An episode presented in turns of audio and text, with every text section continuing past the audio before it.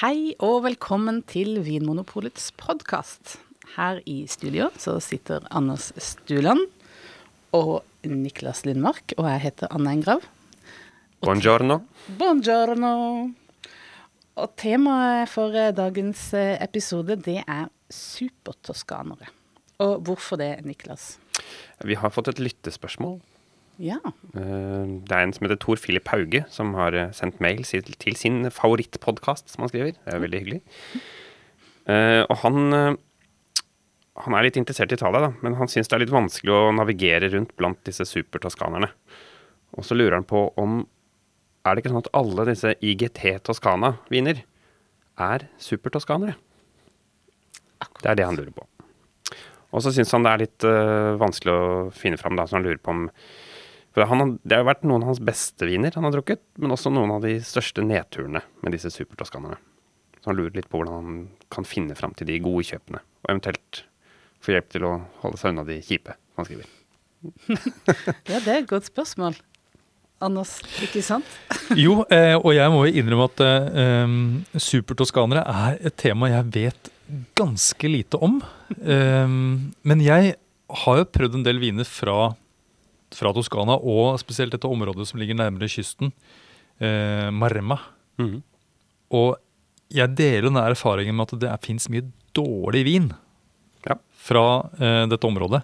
Men allikevel så er det da eh, dette konseptet supertoskanere. Og det er noe med liksom dette navnet super. Som eh, Det høres ut som vinene er veldig gode, da. Ja, Kan vi begynne fra en ende? Mhm. Hvis vi sier supertoskane, så må vi bare få på det rene med en gang at dette er jo ikke en dette er jo ikke et tydelig definert begrep. Det er jo ikke noe krav, det er ikke en beskytta tittel, på en måte. Hva er det det ligger i begrepet når du hører supertoskana, Niklas? Ja, for meg så er det jo eh, Det må jo settes i kontekst av en litt, noe historisk her. Mm. Fordi det er jo da noen produsenter som på 60-, 70-, 80-tallet som brøt litt med de gjeldende lover og regler, eh, og lagde veldig gode viner. Eh, Men de var klassifisert som bordvin pga. at de ikke eh, var innenfor kravene. Og disse flotte vinene ble da kalt for supertoskanere. Så om vi kan kalle viner eh, som bryter med reglene for supertoskaner i dag, det kan vi jo diskutere. Men eh, det er et litt sånn litt ullent begrep. Ja, og jeg tenker også at for at det skal være en supertoskane, at jeg skal kunne se på det som det, så må det kanskje være en litt berømt vin. Ja. det er ikke, det er ikke, for det er jo svaret på spørsmålet hans er all IGT Toskana supertoskana. Nei. Kanskje vi kan si hva IGT Toskana er for noe? Det er jo også en god eh, La oss eh, ta en liten eh, rask gjennomgang av den italienske vinloven, da, kanskje. At vi har en, en inndeling i ulike eh, skal du si, kvaliteter, eller du setter ulike krav til vinmakeren og til eh, vinene, som kan da stemples med ulike eh, merkeordninger, er det jo egentlig. For det, det sier jo egentlig ikke så mye om kvaliteten, egentlig. Nei. Fordi det er jo både godt og dårlig innenfor alle kategoriene, egentlig. Ja. Ja. Ja. Men er det ikke sånn at uh, noen sitter og bestemmer mm. at uh, dette området uh, med disse druetypene, og, og når vinen lages på den måten, så får du da liksom eh, merkeordningen som er høyest i hierarkiet. For det er jo et hierarki. Mhm. Og den, det som er på toppen i Italia, det heter DOCG. Ja. Og noen bestemmer at dere får DOCG. Og det er jo alltid da knytta til et geografisk område. Ja, men det må, det må jo henge sammen med kvalitet. Altså du kan si at hvis du, ja, hvis du lager vin innenfor dette bitte lille området, øh, kanskje er det bestemt at det lille området har det beste jordsmonnet, mest kalk kanskje. Eh, og så du, må du bruke de og de druene, og du har den og den hellingen i vinmarken, og det er alt jeg legger til rette for å lage god vin. Men det hjelper jo ikke hvis du er elendig til å lage vin. Man må fortsatt lage dårlig vin. Nei, og Det er et godt poeng. Og så mistenker jeg at, eh, at en, del, en del land, og kanskje Italia især, så jeg tror det er, mye, det er mye politikk her, altså. Eh, kanskje når vi står en sterk talsperson for, eksempel, da, for et område, eh, eller som driver lobbyvirksomhet, eller som er noen pådrivere på en eller annen måte, så er det lettere å få til en DOCG for et område. Og det har jo gått litt sånn inflasjon i DOCG-begrepet, eller lovgivningen, har det ikke det? Altså jeg tenker det var Det var starta med eh, hvor mange DOCG-er? Sju DOCG-er eller noe? Nå er vi oppe i Jeg vet ikke. det er, Lurer på om det er over 70 jeg nå. Ja. Ja. Jeg, jeg liker at du er kritisk til, eh, kritisk til makta. Men samtidig så er det jo som eh, forbruker så er det jo en fin måte også å kunne orientere seg etter. Her er det i hvert fall For for det er jo ikke bare sånn at det fører med seg selvfølgelig en merkevarebygging med det å ha et sånn DOCG-stempel, at det liksom er det høyest på kvalitetsstigen, men det er jo også ganske mye tvang og restriksjon. Altså du, du har jo mye mindre frihet her når du skal lage vin. Du må lage på innenfor disse områdene med spesielle krav til produksjonen og til drueblanding. Så det er jo liksom mye som du ikke kan bestemme også. Mens du kommer du lenger ned i dette kvalitetshierarkiet som lager du en DOC, som for så vidt også er nesten som en DOCG, grovt sett.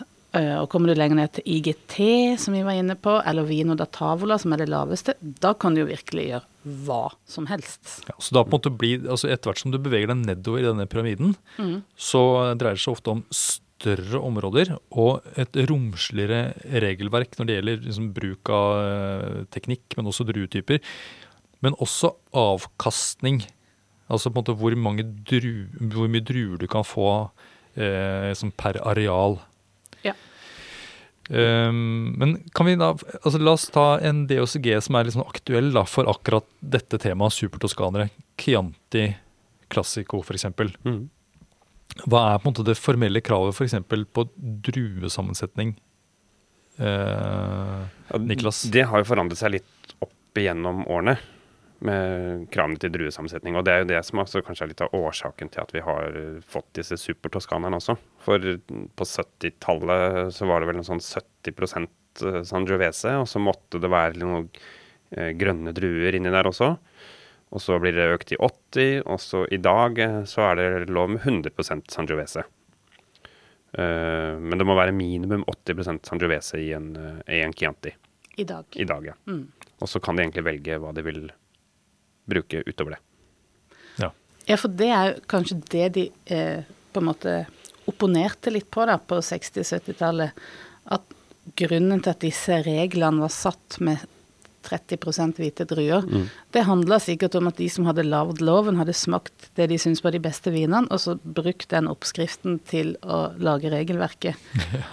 Og da handler det kanskje også like mye om hva som var tilgjengelig, men så kommer da inn en gjeng som har fått impulser eh, fra hit og dit og bestemt seg for at eh, den vinen de vil lage som de syns er bedre, lages på en annen måte.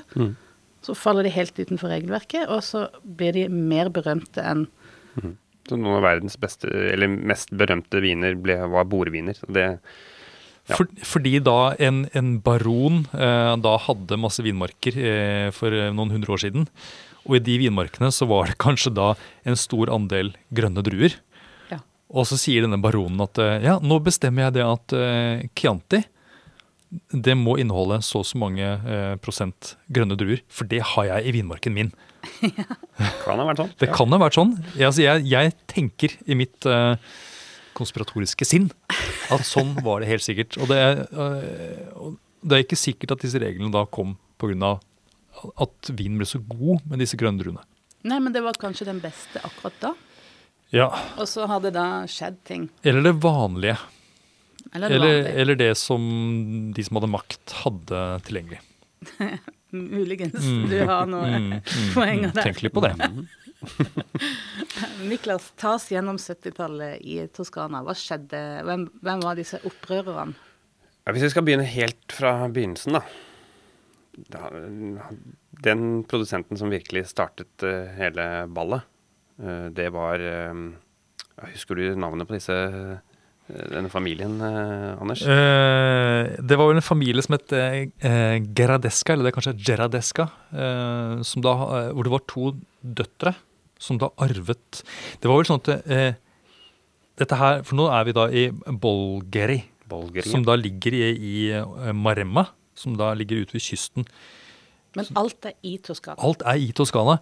Og eh, de fleste forbinder jo da toskansk vin med f.eks. Chianti og Vino Nobile og Brunello, Molacino. Og det er jo da et område som ligger eh, et stykke fra kysten. Det ligger jo nesten det er vel fem-seks mil inn i landet, så det ligger høyere opp. Men så er det da et, eh, Bolgeri er da et område som ligger nærmere kysten. Og der ute, altså i Bolgeri så var det da bare noen få familier som eide eh, land. Og familien Gradesca var da en av disse store familiene. Og der var det da to døtre, eh, Carlotta og Clarice, som da arvet eh, land. Og så giftet de seg. Eh, og eh, det var vel da Clarice som giftet seg med en det var, det, Han var, var han greve? Han var greve, ja. Ja. Han het eh, Mario Incisa de la Roqueta. ja. Og, Kalt Super Mario. Super Mario kaller vi han nå.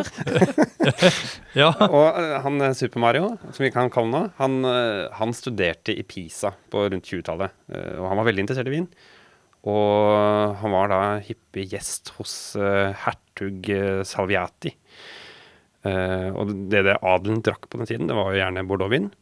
Men denne hertugen, han hadde også uh, Cabernet Sauvignon, Melon, en type Bordeaux-druer eh, i sine egne vinmarker. Og når Clarice og Super Mario slo seg ned i eh, Bolgeri Det de egentlig startet med, var at de skulle mm, drive med hesteavl. eh, Som adelen sikkert også drev med på den tiden. Men han hadde jo veldig lyst til å dyrke druer også, sånn som hans venn oppe i Pisa. Så han fikk eh, planter fra han, og begynte da å eksperimentere på 40-tallet med, med disse typiske Bordeaux-druene, franske druer. Eh, og så endte han da opp til slutt med hovedsakelig plante Cabernet Sauvignon i vinmarkene sine. Og denne, dette området, som da heter Sassikaia i Bolgeri, betyr noe sånt som stedet med mye stein. Og det, han syntes jo dette lignet på eh, Grav i Bordeaux, som også har mye grus. Så det var liksom hans Han ville ønske Han hadde lyst til å lage en skal vi si, en Bordeaux-kopi Ja. i Toskana. ja, Så han hadde drukket da god vin, syns han, i Pisa hos denne Hertugen. hertugen. Eh, og så ville han da kopiere dette eh, med å da plante sine egne eh, planter i eh, da eh, Bolgeri. Men Bolgeri som område den gangen, for nå er vi da på 1940-tallet. 40-tallet, Ja. Oh, vi er så tidlig, ja. Mm. 40. Eh, Da eh, var jo på en måte dette området det, det var jo ikke kjent for god vin. Det var jo eh, egentlig ikke spesielt mye vinproduksjon, og det var mer sånn rosévin, enkle hvitviner og sånn. ja, Og annet jordbruk, egentlig. Og, og annet jordbruk av en, og- en og annen hest. Og en adelig som drev og løp rundt. Så var det en del sumpområder i ah, ja, og, og så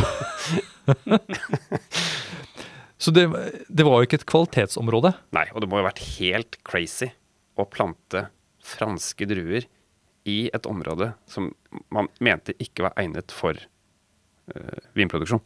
Ja. Ja. Det er bare adelen som kan gjøre noe Ja. sånt. Men så skal det sies at eh, dette området som Super Mario da eh, plukket ut, det var jo, ligger jo litt høyere opp enn eh, mye av området ellers. Ja. Så det er på en måte litt mer sånn eh, Det skrinner i jordsmonn. Mm. Det Sånn jo- eh, steinete, som du sier, og litt sånn mer sandholdig. Mm. Eh, ja, ok, men, men denne vinen, da. Eh, som eh, Super Mario laget. ja. Eh, det ble en kjempesuksess, eller hva det var? Ja, det det hvor- tok jo litt skjedde? Tid, da, for det, gikk ja, ca. i uh, 20 år hvor de egentlig drakk denne vinen selv. Og de la alltid til side en del av vinen. Uh, og det her var ganske Jeg kan tippe at dette var ganske sånne rufsete, rustikke uh, Litt sånn tøffe viner. Uh, som var veldig utyp, utypisk det som var fra regionen. Men jeg tenker at vinene herfra var veldig sånn lette, fruktige, saftige, enkle rødviner. Sikkert på stort sett Sangiovese.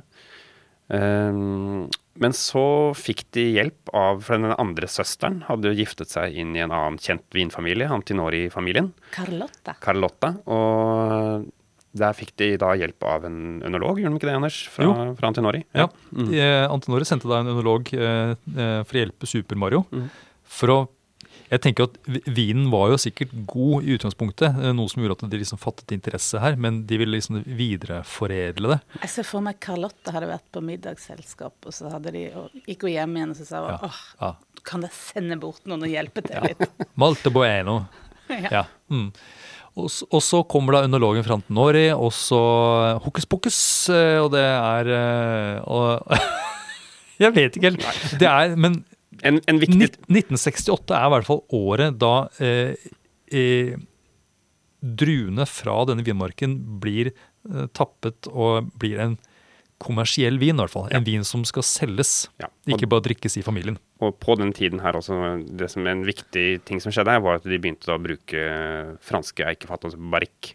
Små franske eikefat og eikefat. Og det var noe som gjorde det Det gjorde positive ting med denne vinen da, som gjorde at den ble litt mer eh, Ja, hva skal man si? Imponerende. Imponerende. Ja, for, ja, for det, det å bruke små, nye eikefat, det var jo uvanlig. Det var uvanlig. Eh, ikke brukt i det hele tatt, egentlig, i Mm. Toskana på den tiden. Mm. Så det var noe helt nytt, og det var jo mer en sånn Bordeaux-tradisjon, og egentlig etter hvert da en sånn California-tradisjon. Det som fikk mye oppmerksomhet internasjonalt, var jo sånne eh, barrikklagrede, litt store viner som kom på 70-tallet og 80-tallet. Mm. Ja. Og, og Sassicaia de, de sleit jo med å få solgt vinen sin, for disse restaurantene i Toskana ville jo ikke ha denne vinen. Eh, for dette var jo veldig rart og annerledes og uvanlig. Og, så, men de hadde en deal da med Antinori, at når de solgte sin Santa Cristina-vin, en Chianti, eh, som var veldig populær, så fikk de med seg eh, seks flasker Sassicaia på kjøpet. Gratis. Ja. Det var sånn de startet med å få vinen ut på markedet. Men så ble jo mer og mer populært. Eh, og så var det jo da en em, en, en eh, blindsmaking eh, i London, arrangert av vinmagasinet Decanter i 1978, tror jeg. Ja. Med 72-årgangen, med flere topp Bordeaux-slott og og andre som lagde sånne type Bordeaux Blends, hvor da Sassicaia kom på topp. Og det var jo liksom virkelig vendepunktet for Sassicaia. Da ble de internasjonalt kjent. Det var liksom som å vinne Melodi Grand Prix, det da. Det var som å vinne Melodi Grand Prix. Akkurat. Så da er det 1978, men var da eh, Var de da alene om å lage eh, Var eh, supertoskanere? Eller hadde på en måte hadde andre kommet til? Fordi altså, Selv om det var vanskelig å selge Sasakaya i begynnelsen, så det må jo ha fått litt oppmerksomhet og Ja, det- startet en liten Lokalt Lokalt så var det en, en liten bølge, og flere ønsket å lage eh, viner sånn som Saska gjorde. Men det var også produsenter som ønsket å lage topp kvalitet eh, Sangiovese-baserte viner. Um, og gjerne da 100% Sangiovese, eller mm, dominert av Sangiovese, men som eh, syntes det var vanskelig da pga. Eh, disse reglene som var i Toskana. Men også det at de ønsket å ikke bruke de hvite druene, eller grønne druene. Og de ønsket også å lage vinene på eh, barrikk, de også. Sangiovese på barrikk. Så en av de første var jo da Antinori med uh, Tignanello. Som da eh, opprinnelig ble tappet som en Chianti. Chianti. I 1970, første årgang, da var det en Chianti Classico med Jeg var ikke helt sikker på drueblenden akkurat da, men opp mot 80 Sangiovese, så var det noe grønne druer. Mens året etter, 1971, det var da første gang hvor de droppet de grønne druene og hadde Cabernet Sauvignon og litt Cabernet Franc, tror jeg, i, i denne miksen. Og da ble den da tappa som en vino da Vino de Tavla. En enkel bordvin. Enkleste kvalitet. Og det var, disse vinene ble jo veldig populære. Og Eh, prisen var jo høy. og prisen var skyhøy. Uh, og det var jo litt rart da, at noen av Italias aller beste viner var klassifisert som bordvin. Det aller laveste. Det aller laveste. Uh, ja. Og sånn at eh, disse supertoskanerne, de, det var Selv om det startet med Sasakaya eh, ute ved kysten i Bolgeri, så var det også folk eh, og eiendommer eh, midt smakk inni Chianti. Midt i hjertet av Chianti. Eh, eh, som også lagde supertoskanere. Og, Mm. de, og der var det da folk som valgte å lage ren Sangiovese. Altså virkelig en sånn uritaliensk drue. Eh, mens andre valgte da ute ved kysten også å lage mer sånn Bordeaux-blandinger. altså basert på Cabernet Sauvignon, f.eks. Så jeg tenker det er ganske stort spenn stilmessig, eh, i hvert fall på, på druesiden, eh, allerede fra starten av. Mm. Men det de har felles, er jo den bruken av små fat. Mm. Og tydelig fatpreg. Mm. Som kanskje også var en trend som man ser over større deler av vinverden på 70- og 80-tallet. At det var litt sånn high fashion Mm. på den tida. Og en annen ting, Jeg har jo sett litt på vinlovene i Chianti, og eh, for eh, 60 år siden så var jo De har, de har jo sånne maks eh, avkastningsgrenser. Og det var en, du kunne jo ha nesten dobbelt så mye druer på arealet i, for 60 år siden enn du kan nå, f.eks. Så Chianti på den tiden, når supertoskanerne kom første gang, var jo en litt sånn skvipete, syrlig eh, rødvin på sånne bastflasker. Ja, eh, fiasko. Fiasko, ja. Ja. Eh, som ikke hadde noe spesielt godt eh, rykte i markedet. De var veldig fine som lysestaker. Da. Ja, ja. eh, og så kommer disse supertoskanerne, og jeg regner med at eh, her var avkastningen lav. De sorterte druene. Det var ikke noe rask eller råte som fikk være med. Eh, Superhåndverk og eh, ja, mye, mye arbeid som lå bak. Så de tvang gjennom en slags eh, skal vi si, kvalitetsreform da, i den italienske vinloven, spesielt for Toskana. Mm. Som sikkert var helt på sin plass. Det er, det er jo bra med litt opprør eh, en gang iblant for å få Ja. ta en eh, sjekk på hvordan ståa er. Og det er ikke bare at det endret eh, Det ble jo da en ny klassifikasjon da, som ble IGT. Eller Indigazione Geografica Typica. Eh, men også det endret jo altså vinloven i Chianti, altså i forhold til druemiks og hva som er lov. Og, så i dag er det jo lov å bruke 100% Sangiovese. Ja, hvordan står det til i dag, egentlig? Eh, vi har jo vært inne på noe av det. Men hvis man skal da eh, få tak i en vin som er lagd litt sånn som disse eh, berømte vinene, da. Eh, enten om det er på sånn, Sangiovese-sporet eller Bordeaux-sporet. Kan man se Er det noe annet enn IGT Toskana man skal se etter? For det, det sier jo egentlig ingenting. Det kan jo være hva som helst. Nei, og så, sånn som Tinianello for eksempel, kunne jo i dag vært en uh, Chianti Classico. Ikke sant? De kunne ha klart, men de har valgt å beholde IGT Toscana. Det er jo litt av med merkevaren til Tinanello. Uh, men det som har skjedd ute på kysten i Bolgerien, er jo at det har blitt uh, en DHC-bolgeri. eh, som setter krav til bruk av eh, disse typiske franske druene. Mm. Og det er ganske interessant. Det er til og med en egen DOC for Sasakaya. Ja, det er eneste produsenten i Italia som har egen DOC. Hmm. Og det er forventet at den blir økt til en DOCG eh, om snart. Mm. Så da er det Super Mario som har på en måte satt standarden. Super Mario har satt standarden. Eh, Så det man kan se til hvis man ønsker å prøve denne, den stilen, da, så er det jo DOC Bolgeri eller DOC Maremma også, for der er det også vanlig å bruke disse Cabernet Sauvignon, Cabernet Franc, Melot, eh, den type druer. da. Men man er jo ikke garantert at Man man, har ikke er ikke garantert noe kvalitet, uh, dessverre. Men jeg tenker, det er, det er jo kjendisviner, mange av disse supertoskanerne. Så de, de oppnår jo høye priser.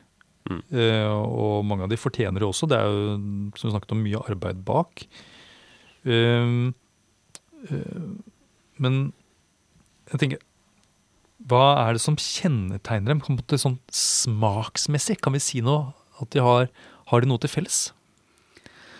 Bortsett fra et Jeg ville jo nesten forventet et, et visst fatpreg, da. Visst fatpreg. Noe som vanilje, kaffe, tjære, sjokolade, aroma. Jeg syns det er litt eh, eh, Litt skummelt å si at det er en fellestrekk på supertoskanere, i og med at det på en måte er sprunget ut av et opprør mot et regelverk. Så det at variasjonene her er så store. Mm. Men som du sier, kanskje jeg ville ha forventa en fatpreg. Men jeg er ikke sikker på om det ville vært eh, nødvendig heller. Ja, jeg, jeg, jeg ville jo stussa hvis jeg ikke fikk, fant noe fatpreg. Og så ville jeg også forventa, og det ville jeg gjort egentlig med hvilken som helst vin som koster mye, at jeg ville hatt en Det skal være en viss konsentrasjon. det skal være, Vinen skal ha en, sånn, en lang ettersmak. Og så skal det være det skal være en vin som er satt sammen av litt forskjellige typer fruktaromaer. Som skal virke liksom både naturlig og litt sånn eh, har litt sånn spill eh, i seg, på en måte. Hvor du har både det litt sånn modne, litt sånn tunge frukten, sammen med det litt sånn lette, delikate, nesten sånn blomsteraktige på toppen. Og så får det på en måte, tenker jeg litt som at den derre Om det er Sangiovese-basert eller Cabernet Sauvignon-basert, det vil jo eh, gi sånn ulik stil i, i frukten. Fra det der sånn mørkebær, solbær i Cabernet Sauvignon til det der mer sånn kirsebær, morell og det der hint av bitterheten i Sangiovese. Men jeg tenker det der med konsentrasjon eh, og liksom disse nyansene, det må de ha, i tillegg til den der, liksom, det, dette faltpreget da, som jeg tenker er nesten Ja, og jeg syns også ja. disse virkelig gode vi kan kalle supertroskanerne, de har jo akkurat disse nyansene. Eh, det som jeg synes kan være litt problematisk med mye av de her eh, skal vi kalle det for en kopier, da, fra Bolgeri og Maremma med disse druene, den det blir ofte litt sånn overekstrahert og blir veldig sånn volumiøst og mye og eh, litt sånn ubalansert fatbruk og litt sånn sylta frukt og litt sånn ja, Ja. litt udelikat, litt sånn ja. Ja. Ja, for det er jo også en forventning kanskje når man eh, smaker på den eh, type viner, at det skal være litt sånn De skal være litt svære. De skal være litt sånn muskelviner. Ja. Men de som er mer sånn etterligninger, de Mm. blir bare muskler. Ja. Men vi er ute etter både muskler og hjerne, var det ikke det vi snakka om? ja, det skal være litt finesse, ja. Ja. Og jeg, og jeg, for nå har vi sånn snakket veldig varmt om disse eh, vinene og disse områdene, men jeg, skal, jeg må ærlig innrømme at eh, når jeg har sittet eh, og smakt eh, blindt en del serier, så av Maremma-vin, rødvin fra Maremma, så er det eh, noe av de verste vinene jeg har smakt i mitt liv. Intet mindre. Intet mindre, faktisk. Eh, eh, så Nå holder han er- på å bli sur igjen. Ja, er rødvin, rødvins prosecco. og, og dere er jo inne på det, det er dette her med den derre steinharde ekstraksjonen. Altså de, de herjer med og moser og pumper over og, og sånt noe. Eh, og kanskje druene ikke er spesielt godt sortert, og kanskje de er, de er dyrket på jordsonen som er Det er for fruktbart, det er for varmt der. Eh, sånn at de blir grove og trå, og det er nesten, nesten sånn at det svartnet for meg når jeg har smakt noen av disse vinene. For det er altså den den tråden, den der kjipe munnfølelsen og den der sånn unyanserte, suppete, jordlige fruktigheten. Det er ikke noe gøy i det hele tatt. Nei, Og dette er det viner som kommer fra, fra samme, samme område. Ja. Ja, altså det er fullt mulig å trå feil. Det Ja. er jo det ja. Æsj! Jeg tror jeg det poenget du fikk tydelig fram her. Men, men det fins Det er jo en grunn til at de er så berømte. De som er altså, virkelig gode, har jo den derre de er detaljene, og selv om de er svære, så er det liksom fullt av, av, av små eh, og imponerende aromaer blanda med en flott munnfølelse. Mm. Både fast og saftig på en gang. Så Ja. det går an. For jeg hører til stadighet eh, både alt av IGT Toskana og Bolgeri-viner blir omtalt som supertoskanere, men for meg så handler det mer om enkeltprodusenter eller enkeltvinmarker, altså som er Ja. supertoskanere. Ja, er supertoskanere et godt begrep å bruke lenger, egentlig? Skal vi, skal vi sette det inn i museet for vinhistorie? Ja, jeg, jeg synes, for meg så handler det om Det, det må ses i en sånn historisk kontekst. Eh, men det er klart, det kommer jo helt sikkert eh, nye produsenter og nye viner etter hvert òg som er superflotte og har samme, laget på samme lest. Mm. Eh, skal man kalle det supertoskanere, eller eh, hva skal man kalle det? Det er klart, eh, sånn som Superduper Sassikaia, som får eh, egen DOC, kanskje DOCG, så, mens alle de andre som havner i den der IGT Toskana-sekken eh, skal man, Hvis man skal skille de gode fra de litt mindre gode, så kanskje Ja. man kan bruke supertoskanere om dem. Jeg vet ikke. Ja, jeg syns jo at det er et et eh, verdifullt navn eller ord fordi eh, det har en sånn tydelig plass i vinhistorien. Eh, fordi det handler jo om dette her eh, opprøret mot, eh, mot vinlovene. Noen produsenter som er både tydelige, men som ønsker noe annet. Men det forteller også noe om markedsføring og hvordan man liksom posisjonerer seg i et, et marked. Og ikke minst så forteller det en historie om eh, et nytt område som blomstrer opp i liksom, moderne tid. Eh, for vi er så vant til at når det gjelder Europa, så er, er det så ferdig definert eh, hvor, hvor, det er mulig å lage god vin. Mm. Og hva slags druetyper som skal brukes. Det er liksom, det er sementert. Eh, så man blir litt glad da at oi, det er faktisk mulig å skape en ny vinhistorie i, i, vår, i vår, tid også. Og, og, og, tenker der har da supertoskanerne en, en spesiell plass. Og, og sånn som vinindustrien i England, som nå er i ferd med å, som virkelig få fotfeste og som gjør det bra, det er på en måte en, en, også en sånn historie som jeg tenker er, viser at det er Vi har ikke prøvd alt. Og det fins fremdeles områder som, eh, der det kan lages skikkelig god vin. Eh, og det tenker jeg det, det, det skal vi huske, og ikke liksom fortape oss i liksom disse eh, aller dyreste områdene. Det kan hende at det fins eh, en flekk utenfor eh, kvalitetssonene mm. der det går an å lage skikkelig god vind. Ja. Og ikke minst finne riktig bruk av druer. Mm. Mm. Vi er ikke sikre vi er ferdig med det ennå. Nei, og med klima, klimaendringene så kommer vi nok til å se endring av uh, bruk av druer og, i de klassiske områdene. Mm. Kan, har dere på en måte noen sånne eksempler på noen andre uh, europeiske områder der det har vært et opprør, sånn som skjedde med sånn supertoskanerne? Nei, Jeg tenker mest på den type sånn naturvinsbevegelsene som har på en måte lagd sitt eget regelverk, og ofte da må sette seg utafor vinloven. Eh, men det er jo ikke knytta til et sånn geografisk område, kanskje. Nei, men mer sånn produksjonsfilosofi, eller ja. vinmarksfilosofi. Mm. Mm, ja, men det er jo eh, egentlig interessant. Ja, er sånn som eh, VDP i Tyskland. Mm. Eh, som, det var jo en organisasjon som ble formet utenfor Altså det på en måte det, det statlig styrte eh, kvalitetsorganet, men som ville, ville, noe mer enn det som var eh, på plass i det tyske regelverket. Ja, det er sant. Eh, og de har jo virkelig påvirket tysk ja. Eh, vinindustri, og gjort at tysk vin har en helt annen anseelse ute i verden nå enn det hadde før. Og det kommer igjen fra vinbøndene sjøl. Det er mm. ikke bestemt fra et organ. Mm. Sånn. Mm. Hvordan er det i Norge, Anne? Du som er norsk vinprodusent. Ja, det er jo egentlig veldig spennende, for vi er jo uten regelverk. Ja. Eller sånn, Annet enn at vi følger EUs regelverk for tilvirkning av vin. Da. Men eh, det er jo i ferd med å skrives, den historien der. Mm. Det vil si, den er jo ikke begynt ennå. Den er jo bare Alt ligger jo på en måte åpent. Ja. Og jeg er jo en sterk tilhenger av det at det bør være så åpent som mulig helt til vi har noen erfaringer ja. vi kan lære av. Mm. Enten om de er både gode og dårlige. Mm. Så det, å låse det fast for tidlig blir jo å kanskje satse på feil hest. Mm. Det vet man jo ikke da. Ja, for det er jo lett å tenke da at vi, vi må ha et regelverk. Mm. Fordi det beviser at dette her er skikkelige saker. Ja. At vi mener det seriøst. Vi har strenge regler. Vi har strenge regler. Ja. Eh, og da det jo, blir det jo veldig håpløst da, om disse reglene utelukker kanskje bedre løsninger eller be, bedre druetyper. Mm.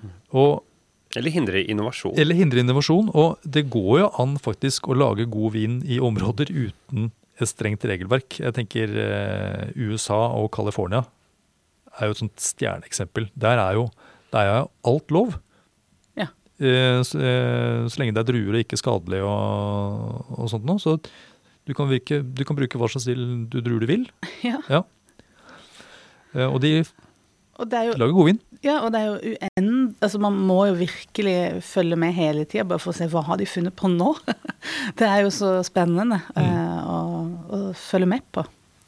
Men vi er nok kanskje litt prega av det eh, historiske Altså, vi setter jo veldig eh, lite historien eh, fordi vi har så lang historie her i Europa. Så vi, vi er jo stolt av den med god grunn, og, og bør videreføre det som er bra. Men noen ganger så kan man jo prøve noe nytt. Ja. Og så nå kommer jeg på det at det selv, altså jeg tenker at det, det er mye morsommere å gjøre opprør når det er et strengt regelverk. så det, på en måte, det skaper en form for dynamikk, da. Ja. Eh, som de da kanskje ikke har i California. Men så kommer jeg jo på det at det, er jo ikke lenge siden at det var faktisk en sånn produsentorganisasjon som het In Pursuit of Balance. Ja. Som eh, nettopp var en motreaksjon på en sånn stil som nesten var enerådende i, i amerikansk vin. Som var den der litt sånn tunge, eh, mye alkohol, mye fat, litt sånn, sånn syltetøyaktig fruktighet. Disse produsentene ville ha på en måte høyere friskhet og en mindre tydelig bruk av fat, da, f.eks. Mm. Nå har jo den organisasjonen de har jo nå vunnet fram, mener de, så nå har, er jo den lagt ned.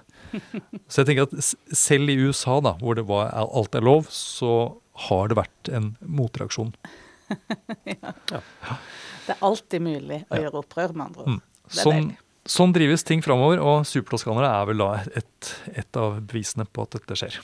Nå eh, lurte jo vår eh, kjære eh, lytter Hva het han igjen? Han het Tor Philip. Tor Philip lurte på eh, om han kunne få noen gode tips til hvordan han skulle tråkle seg gjennom jungelen av supertoskanere. Og eh, vanligvis så eh, kan jo ikke vi eh, nevne enkeltprodusenter, sånn, for vi, vi er jo ikke en eh, markedsføringspodkast. Em, men um, akkurat i dette tilfellet så har vi jo faktisk en liste over alle som regnes som supertoskanere, har vi ikke det? Jo, det har vi. Og så lenge vi nevner alle, så er det liksom alle nevnt, ingen glemt. Ja. Så derfor skal vi gjerne avslutte denne hyggelige uh, praten med et langt, langt Dikt. dikt. Supertoskansk dikt. Men før vi gjør det, hva er deres supervin fra Toskana? Er det en klassisk supertoskaner, eller ville dere valgt noe annet? Vil du svare først, Anne? Eh, Ja, jeg skal eh, tenke meg litt om. Eh, og så gikk det opp for meg at eh, kanskje den eller de vinene som har imponert meg mest, som jeg trodde var innafor eh, liksom Chianti-betegnelsen, er- viser seg da å være en supertoskaner når jeg så på den lista. så, så da eh, er vel kanskje svaret da supertoskaner, men jeg er nok mer inne på det Sangiovese-sporet, selv om Mm. når det er flott, så jeg blir jeg imponert. Men uh, det er litt Ja, mm, et ullent svar fra meg der. Nei, jeg- Jeg må også er jo på Sangiovese-sporet. Og det er noe med en god Sangiovese som på en måte har den der nesten sånn luftigheten og den der sånn tydelige syrligheten som jeg setter veldig pris på. Mm. Um, det gjør dem på en måte litt mer lettdrikkelige for meg. eh, selv om supertoskanere kan være ofte er liksom imponerende. Så Og så passer det min lommebok bedre, da. Ja, det er noe der òg. Ja, men ja. Niklas, eh, ta oss gjennom lista over supertoskanere. Ja, jeg skal forsøke. Jeg vil ikke ha noen sånn sinte mailer med feil uttale og sånn. eh. Du skal ikke få det fra meg, i hvert jeg fall. Jeg skal gjøre så godt jeg kan. Vi lener oss tilbake og nyter eh, fremføringa. De klassiske første prosentene i Bolgeri Tenuta Sanguido, Cipriano Grattamacco Orneleia Michele Satta Le Macchiole Belvedere og supertoskanere med ren Sangiovese. Badia a Coltibuono med Sangioveto Castello del Panaratta med Quattro Centonaro Felsina med Fontaloro. Fontodi med Flaccianello, Fossi med Vignavento, Gagliole med Pecchia, Il Molino del Grace med Gratius, Isole e Olana med Ceparello, Montevartino med La Pergola Torte, Poggio Scalette med Il Carbagnone, Riecine med La Gioia di Riecine, San Giusto a Rentananno med Percaloro, eh, per Carlo. Eh, Tuarita med Perlato del Bosco. Vecchie Terre di Montefili med Anfitea- Anfiteatro. Eh, Viticcio med Pronaio. Og så er det de med overveldende Sangiovese-bruk. Antinori med Tignanello. Castello della Panetta med Terrine. Castello di Brolio med Casalferro. Castello di Valpaia med Balaficcio. Eh, Chigi Saracini med mm, Poggiasas- eh, Poggiasaia. Eh, Gagliole med Gagliole. Il Balsani med Il Balsani. Il Poggellino med Le Balze. Le Filiere med Podre la, Rot eh, Podre la Ro- Rocce. Eh, Le Macchiole med Rosso. Marchesi eh, Torrigiani med Guadaccio. Monte Parloso med Nardo. Poggio Piano med Rosso di Sera. Rocca di Montegrassi med Geramia. Tenuto Cantalollo med Giovetto. Tenuto Faneta med med Bongiovanno. Villa Cafaggio med San Martino. Eh, Vincenzo Cesani med Loenzo. Og Supertoskandere med dominans av Cabernet og Elle Melon. Antinori med Solaya. Tenuto di Cap eh, Capezzana Gaio della Furba. Castello di Fontor Totoli, med Siepi. Castello di Ter Tariccio med Lupiccia og eh, Tassinaia. San Felice med Viggiorello. I Giusto Essenza med Dul, eh, Dulcramare og Belcore. Eh, Capanello Avinonesi med Cinquanta Cinquanta. Vecchie Terre di Montefili med Bruno di Rocca. Il Colombaio di Cencio med Il Futuro. Eh, Tenuta di eh, Gizzano med Nambrot. Castello di Rampolla med San Marco. Quercebella med Camartina. Eh, Le Popille med Sofreddi. Vinamaggio med Obsession. Eh, Morris Farms med Avaltore. Eh, Argiano med Solengo. Avignonesi med Desiderio. Poliziano med eh, Le Stanze. Eh, La Brancaia med Brancaia. Tenuto eh, de Trinoro med Tenuto di Trinoro. Gualda del Re med Federico Primo og Renero. Tuarita med Giusto di Notri. Eh, Cenatoio interveneres med Sonjo Delova. Fattorio Castiglione eh, Montagrana og Frescobaldi med eh, Giramonte. Fattoria Selvapagna, Fornace. Boscarelli med Boscarelli. Rufino med eh, Romitoro di Sante Dame. Og så er det noen som er bare på Cabernet Sauvignon, og det er Isole e Olana. Castello de Rampolla med La Vigna dell'Arco. Fossi Sassoforte. Villa Cafaggio med Cortaccio. San Cresci med San Cresci. Vinamaggio med Vinamaggio. Uh, Supertoskanere på Milot. Le Macchiole med Sorio. Ornalaia med Maceto. Castello di Ama, Vigna Leaparita. San Giusto Arentano med mm, La Ricolma. Tenuta di Petrolo. Eh, Galatrona. Castelliciondo med La Maione. Tuarita med Redigaffi. Fattoria del Cerro med Poggio Giolo. E grazie a tutti.